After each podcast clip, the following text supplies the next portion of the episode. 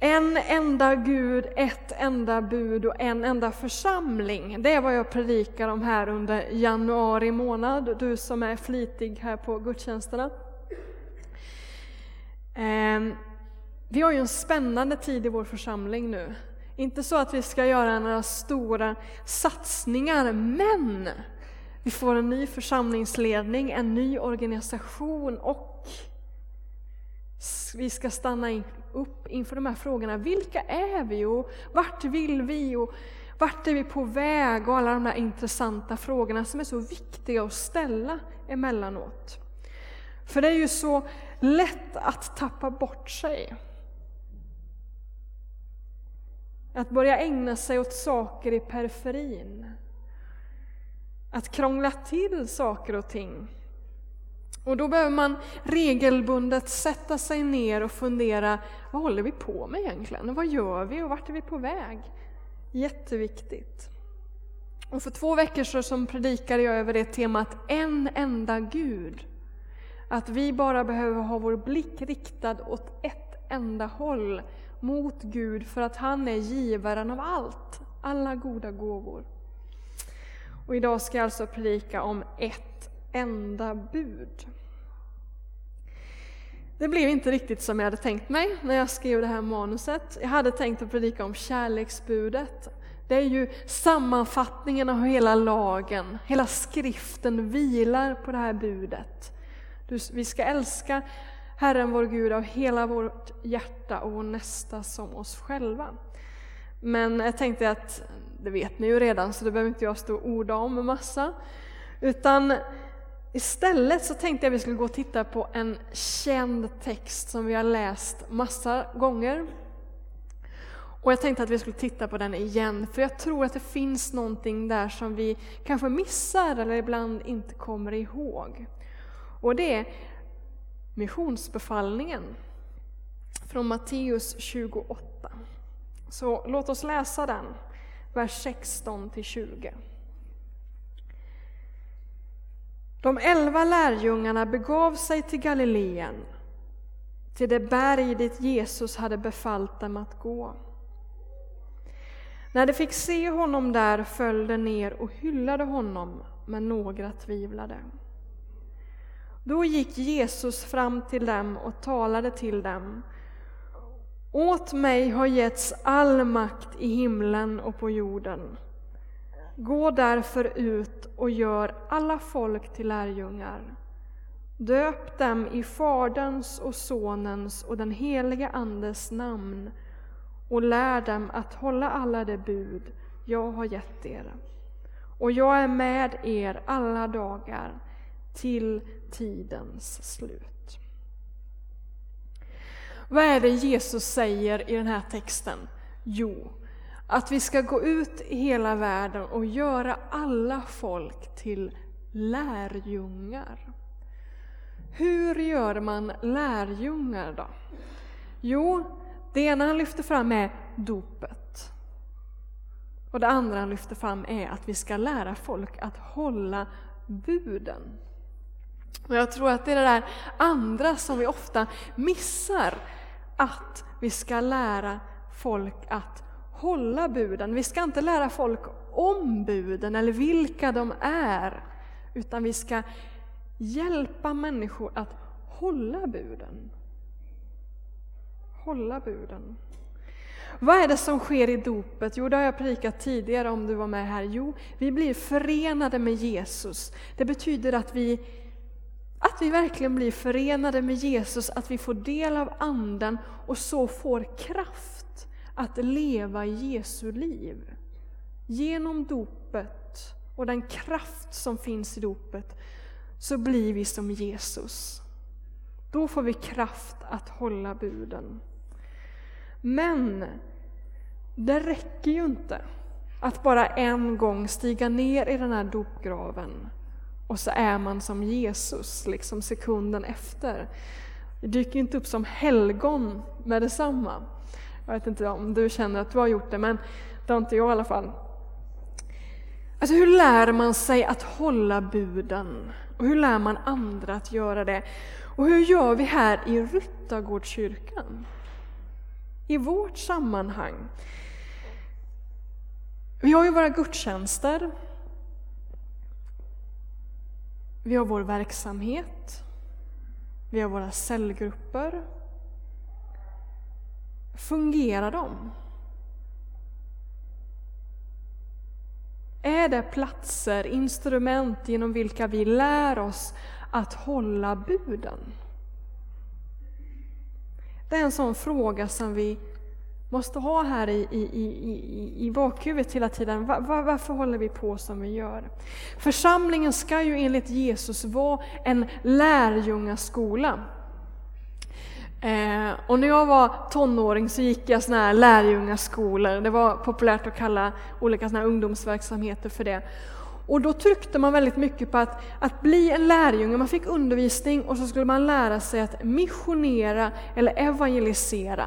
Det som var fokuset var detta att gå ut. Och det är bra, det är viktigt. När Paulus skriver sina brev till församlingarna så skriver han nästan aldrig om evangelisation. Det verkar som att det är så självklart för honom så att han lever ju detta med att evangelisera. Men det som han skriver väldigt mycket om Paulus, det är dygderna. Han skriver inte så mycket om buden, men han skriver om dygderna. Om kärlek, om vänlighet, om självbehärskning, om godhet, om ödmjukhet, om glädje. Och han uppmanar församlingarna, församlingarna att leva ett sådant liv där man håller buden genom att leva i de här dygderna. Ett sätt att komma fram till hur man som församling är en plats där man får lära sig att hålla buden, det är att läsa kyrkohistoria. Och då har jag ett alltså ett varmt lästips, det är den här boken. Kristen moralhistoria av Roland Spjut. Roland Spjut är bland annat lärare på Örebro Missionsskola har skrivit en ovanligt välskriven bok. Alltså den här är riktigt bra skriven. Och han går igenom lite olika epoker genom historien, hur olika kyrkor och samfund jobbat med just moralfrågor. Och efter varje kapitel så skriver han ett litet avsnitt som han kallar för vägmärken, som en slags reflektion över vad vi kan ta med oss från de här olika epokerna. För vi kan ju inte göra samma som dem, för vi lever i en helt annan kultur. Med andra problem än de hade. Jag läste den, jag tror det var för tre år sedan. Eh, och då lånade jag den av en som heter Joel. Sedan läste jag läsa den en gång till och då lånade jag den av en som heter Björne och nu vill jag titta i den igen och då lånade jag den av Andreas. Egentligen hade jag tänkt att jag skulle köpa den här boken eftersom den är så bra. Vi hade den inte här i, i, i våra hyllor här och de hade inte det i Pingkyrkans bokshop. Och när jag gick till, jag ska inte säga vilken bokhandel det var, men det var inte en kristen bokhandel här i stan och frågade om, om de hade den här boken. Jag var lite så försiktig för jag visste att den är ju några år gammal och så. Men... Så har ni en bok som heter Kristen moralhistoria? Då börjar han i informationen skratta och säga nej det tror jag inte. Alltså så ute i den här boken att han börjar skratta. Och innan jag hade gått till informationsdisken så hade jag gått och kollat på deras lilla, lilla hylla som heter Kropp och själ. Och där kunde man hitta många böcker om självförverkligande, men man kunde inte hitta den här boken. Moral är ute. Om vi ska lära oss någonting av kyrkohistorien så är det att vi ska inte fokusera på det som man inte ska göra, utan vi ska fokusera på det man skall göra. Alltså vi ska betona dygderna, inte lasterna. Eh, undertiteln till den här boken är Sökandet efter det goda livet. Det är vad det handlar om. Sökandet efter det goda livet. Det handlar om att bli lycklig. Det vill ju alla människor. Det är ju vad de här självförverkligande självhjälpsböckerna som stod på den här kropp och själhyllan handlar om. Att bli lycklig. Över nyår så läste jag en intervju med filmaren Roy Andersson. Han är inte kristen så vitt jag vet. Ehm, men han sa detta att en egoistisk människa kan inte bli lycklig. Jag vet inte om du har sett hans senaste film, den har ju också nej, två år eller ett år på nacken. Du levande. Där, eh, han är ju speciell, jag är ju speciell av filmer, men i den, här, i den här filmen så finns det en scen med en psykolog som tittar rakt in i kameran och så säger han Människor kommer till mig för att de vill bli lyckliga. Men de förstår inte att man kan inte bli lycklig om man är elak. Alltså det sökan, sökandet efter det goda livet handlar om ett sökande efter godhet, att bli en god människa. Man kan inte bli lycklig om man lever i synd. Och då tänker jag inte på himmel och helvete och sådana saker, utan jag tänker på nu. Det finns en stor lycka i att kunna älska, att kunna ha tålamod, att kunna vara behärskad, att kunna vara vänlig, att visa godhet. Där ligger lyckan, där ligger saligheten. Det, det finns ingen lycka i att vara präktig, att hyckla, att... Men det finns en lycka i att vara äkta och god. Hur blir man då en god människa? Det är helt klart i den här boken att man kan inte bli en god människa på egen hand. Vi behöver Guds hjälp. Det har kristna trott i alla tider. Vi behöver Guds hjälp. Men vi behöver också varandra. Man blir inte en god människa av att bli eremit. Utan man behöver stötas och blötas med andra människor. Man behöver leva i en gemenskap. Det är jobbigt och det är konfliktfyllt, men det finns ingen annan väg. Att bara vistas i samma rum, det hjälper inte. Alltså man kan få utveckla en viss, ett visst socialt mönster om vi firar, går hit och firar gudstjänst, sen fikar vi och sen går vi härifrån. Vi blir lika varandra, men det garanterar inte att vi blir goda människor.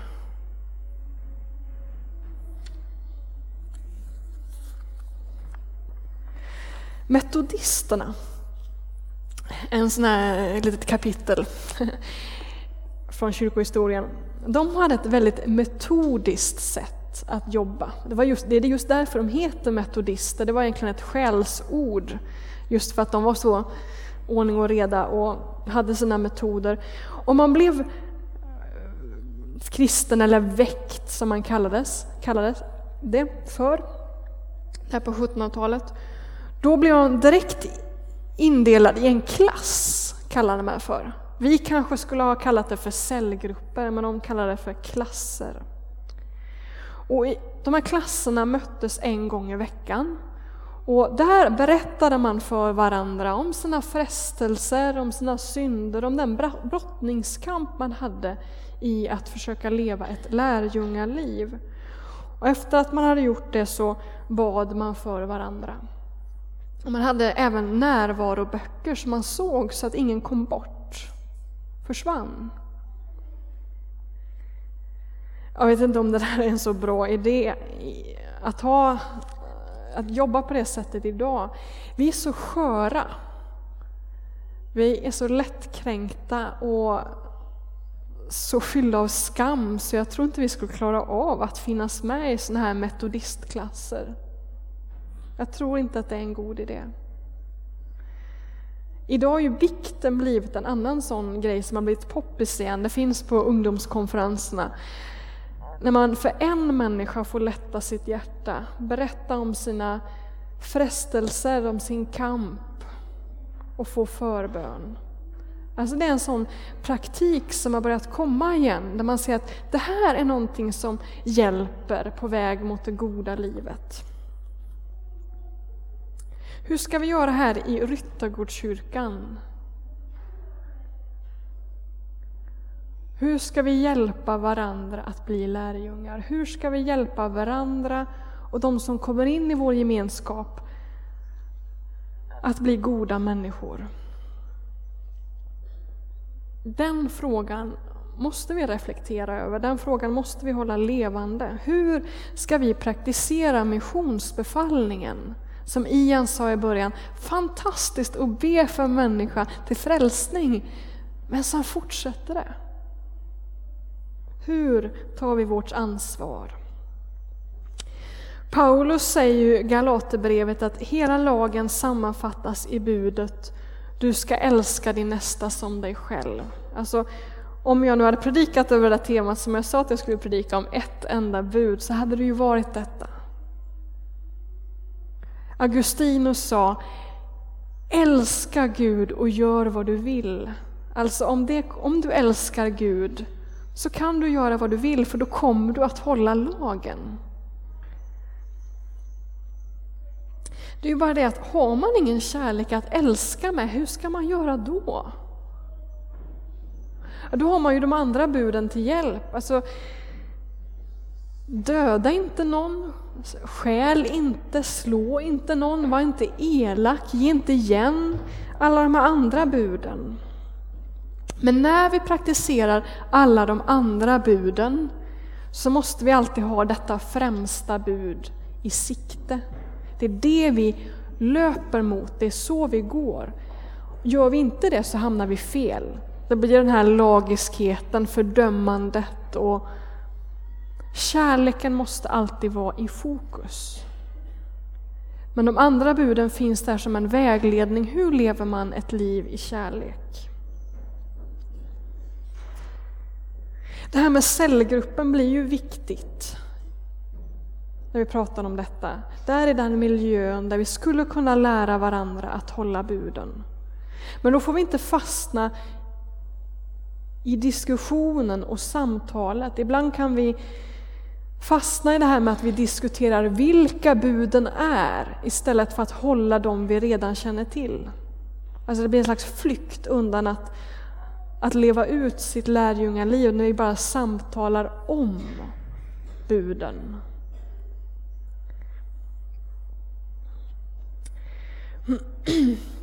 Ökenfäderna, jag vet inte om ni känner till dem. Det är en rolig samling av massa eh, tänkespråk och historier från 200 300-talet. Det finns nog ingen kristen bok som är så rolig som Ökenfäderna. Det är så lustiga saker man hittar där. Mycket humor. Men jag, och jag vill berätta en sån historia från de här ökenfäderna. Människor som levde ute i öknen, inte remitliv, de levde i varsin grotta men de besökte varandra och tog hjälp av varandra och fick förbön av varandra. Och då var det några sådana här bröder, står det, som kom till en gubbe som heter Antonius som är liksom ökenfadern nummer ett. Och så kommer de till honom och säger de Säg ett ord till oss. Hur ska vi bli frälsta? Och nu får vi komma ihåg att frälst för dem betyder någonting annat. Det betyder detta att bli lik Jesus. De tror visst att man blir rättfärdig genom nåden, men de vill ha den här fullare frälsningen, ett helgat liv. Och så säger de, hur, hur ska vi få tag i det där helgade livet? Och då säger den här Antonius som en sann lutheran, ni får gå till skriften och läsa där. Och så säger de, nej men vi vill höra dig säga någonting. Vad tycker du Antonius? Och då säger Antonius så här på frågan hur man blir frälst. Om någon slår dig på högra kinden så vänd också den andra till honom. Alltså Jesu ord från bergspredikan att vända andra kinden till. Och så tittar de här bröderna på Antonius och säger de, ja men det kan vi inte. Och så tittar Antonius på dem och så säger han, jaha, om ni inte kan det, så om ni inte kan, om ni inte kan vända den andra kinden till, ja då kan ni väl försöka tåla det första slaget. Och då sa de till honom då, nej men det kan vi inte heller. Jag har ingen kraft till att, att vara så goda. Och då säger Antonius, om ni inte kan det så låt åtminstone bli att ge igen. Och så säger de här bröderna, men det kan vi inte heller. Och då säger Antonius, det här, här kommer humorn in. Han säger den här Antonius till en av sina kompisar som finns där i grottan.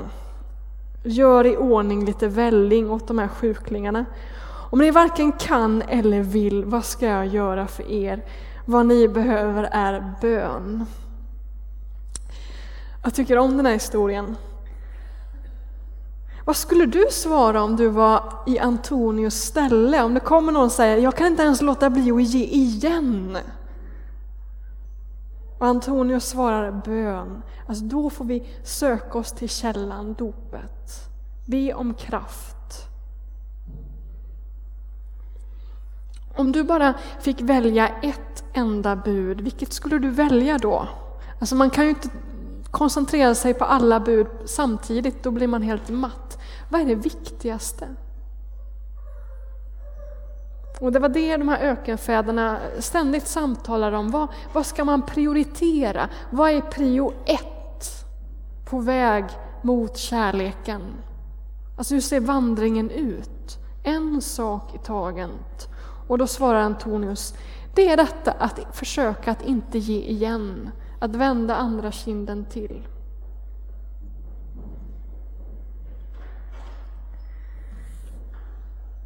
Jag vill att ni tillsammans med mig framöver funderar kring de här frågorna. Hur hjälper vi varandra att hålla buden? Hur hjälper vi varandra till ett helgat liv? För jag, jag har en ringa erfarenhet, jag är inte så gammal och den erfarenheten jag har är ganska konstig. Jag levde ju två år i någon slags klostervistelse ute på Bjärka Säby. Så det sättet, det känner jag till, hur man gör i klostren. Och när jag kom, åkte därifrån efter mina två år, då skrev jag i ett brev, det är något av det sista jag säger nu, till en av mina vänner om min saknad. För det gör jag, jag saknar livet på Bjärka ibland. Och det jag sa att jag saknade då var att få bli erkänd som syndare, bland syndare, på väg mot fullkomligheten. Jag kände att när jag kom tillbaka till min frikyrkoförsamling så fanns det inte ett erkännande av svaghet på samma sätt. Man talade inte om frestelserna, man talade inte om fallen man gjorde. Utan man betraktades som en ganska hyfsad, trevlig, god frikyrkoperson. Och jag saknade så djupt att få leva i gemenskap med andra som upplevde sig vara syndare. Men som inte hade fastnat där utan var på väg mot någonting. Mot fullkomligheten, mot det där goda livet, livet i lycka och salighet. Jag saknade det. Jag kände att jag blev ensam i min kamp i att försöka hålla buden.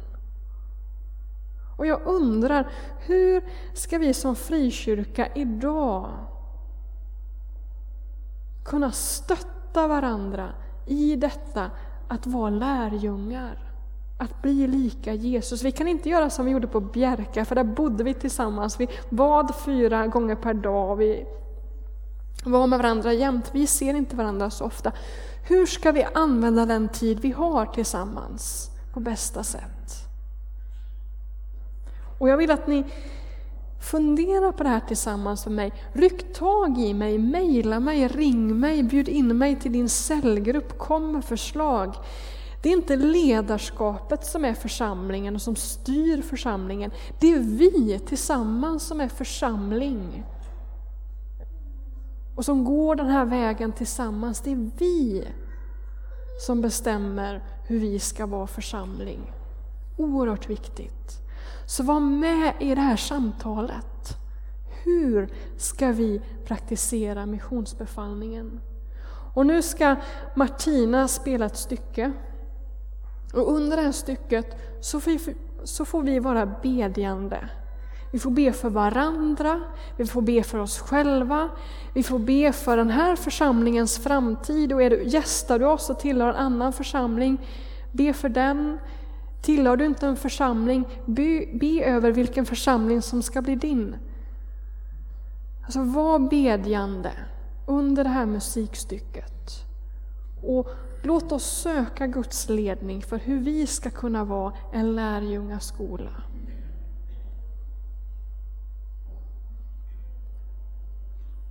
Amen.